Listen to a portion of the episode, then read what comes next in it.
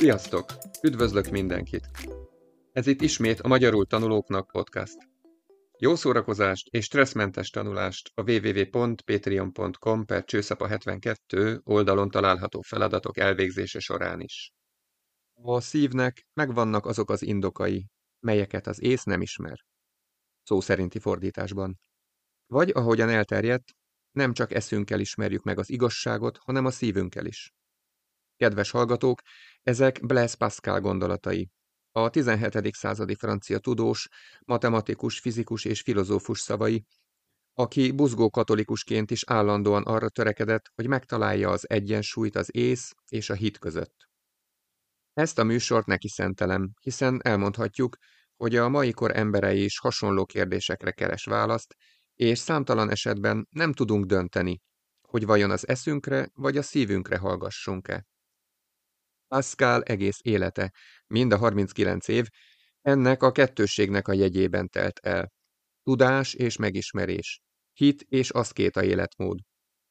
Egy természettudós, filozófus és spirituális gondolkodó, aki ezeken a területeken keresztül szeretett volna magyarázatokat találni az emberi élet nagy kérdéseire.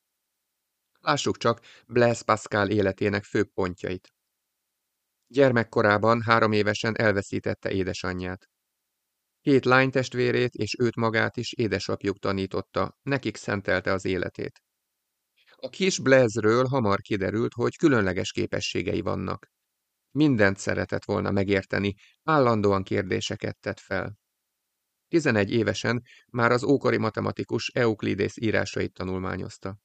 Édesapja Párizsban elvitte az akkori Academia Pariensis nevű tudós körbe, ahol csodálattal, de kétkedéssel fogadták az ifjú Pascal fejtegetéseit a kubszeletekről vagy éppen a vákumról, aminek a létét akkoriban tagadták, mondván, hogy az anyag minden teret kitölt. Megismerkedett a korszak nagy elméjével, a nála 25 évvel idősebb René Descartes-tal, akitől a híres cogito ergo sum azaz Gondolkodom tehát vagyok című mondás származik. Időközben készített egy mechanikus számológépet is, hogy segítse édesapja munkáját a könyvelésben. Ezt is róla nevezték el Pascalinnak. A szintén a nevét viselő Pascal háromszög a binominális együtthatók gyors és egyszerű kiszámolására használható. Kidolgozásakor alkalmazta először a teljes indukcióval történő bizonyítás módszerét, de a valós, valószínűségszámítás is sokat köszönhet neki, amit pedig azért tanulmányozott, mert egy ideig szenvedélyes szerencsejátékos volt. Mindeközben a fizika is foglalkoztatta, főként az itáliai tudós Torricelli higannyal végzett kísérletei.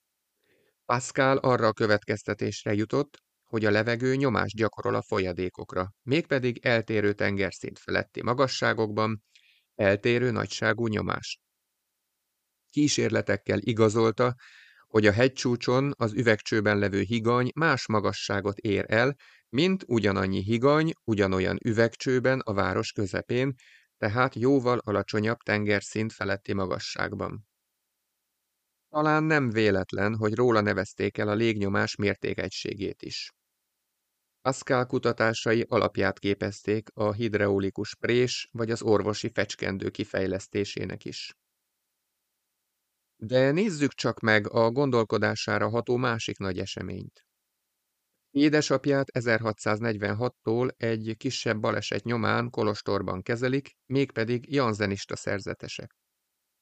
Ők a mai Belgium területén élt Cornelius Jansen püspök írásai nyomán azt vallották, hogy csak Isten kegyelme által üdvözülhetünk, nincs szabad akaratunk. Ez gyakorlatilag a reformáció predestináció, azaz eleve elrendelés elvét jelentette.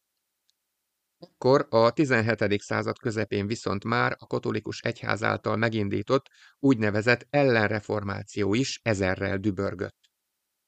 Ennek főharcosai pedig a jezsuiták voltak. A francia jezsuiták olyan befolyással bírtak a pápára és a francia királyra 14. Lajosra, hogy hitvitára került sor a janzenisták és jezsuiták között, a pápával pedig kiadattak egy írást, amely Cornelius Jansen tanainak elutasítását várta el a másként gondolkodó janzenistáktól. A jezsuiták a világi uralom feltétlen hívei voltak, a janzenisták pedig a szólásszabadság, az emberi méltóság, a tanítás szabadságának szószólói.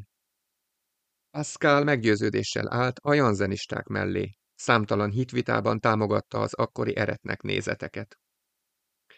1651-ben az édesapja, Etienne Pascal meghalt. Jacqueline nővére belépett a Port kolostorba. Pascal hirtelen egyedül maradt.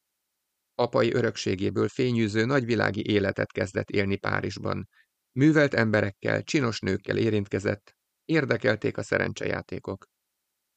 1654. novemberében kocsin hajtatott át a női hídon, a lovak kiszabadultak a hámból, de a fogad szerencsésen megállt a híd szélén.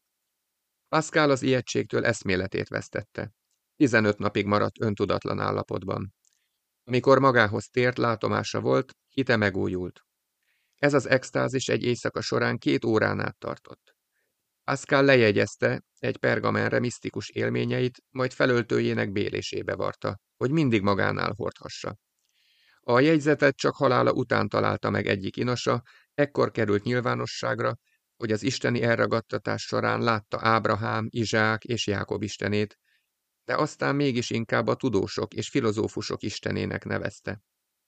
Hátra levő életét teljesen a spiritualitásnak szentelte, aszketikus életet élt. Továbbra is részt vett a hitvitákban. A jezsuiták tézisei elleni érveit a vidéki levelek Provenciál tartalmazza, amelyet helyesebb lenne levelek vidékre címmel fordítani. Másik fontos és magyarul is elérhető műve a gondolatok. Mindkettő fennmaradását és publikálását a janzenista szerzeteseknek köszönhetjük. Pascal pessimista gondolkodó. Tudatában van az ember nyomorult sorsának, és gondolkodásának határait is látja. Kant előfutárának is tekinthetjük. Mindketten vallották, hogy a szív érveit nem ismeri el az ész. Nietzsche szintén szkeptikusan vélekedett az ész mindenhatóságáról. Pascalt és Szent Ágostont az egzisztencializmus előfutárának is szokták tekinteni, később Kierkegaard, Heidegger, Sartre és Camus lépnek majd nyomdokaikba.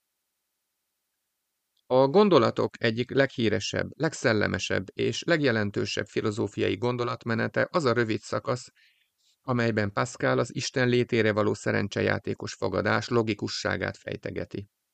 Ennek Pascal fogadásaként elhíresült részlete a következő.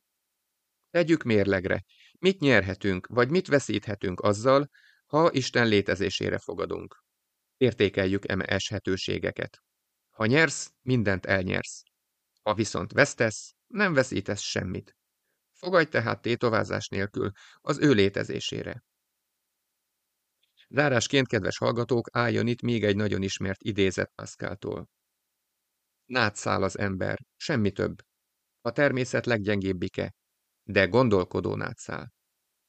Mára ennyi volt, kedves hallgatók. Magyarul tanulóknak készített Patreon felületen megtalálod a szöveg átiratát, hozzátartozó feladatokat és megoldásokat is. Ezeket WordWall-ban készítettem el, és szerintem elég a legelső típusban megcsinálni mindegyiket. Az oldal felajánlja ugyanazt a feladatot, még vagy négy formában, de ezek tartalmilag mind ugyanazok lesznek. Ha kérdésed van, írd meg nyugodtan, és válaszolok. Ha teheted, kérlek támogasd a munkámat. Viszont hallásra! Sziasztok!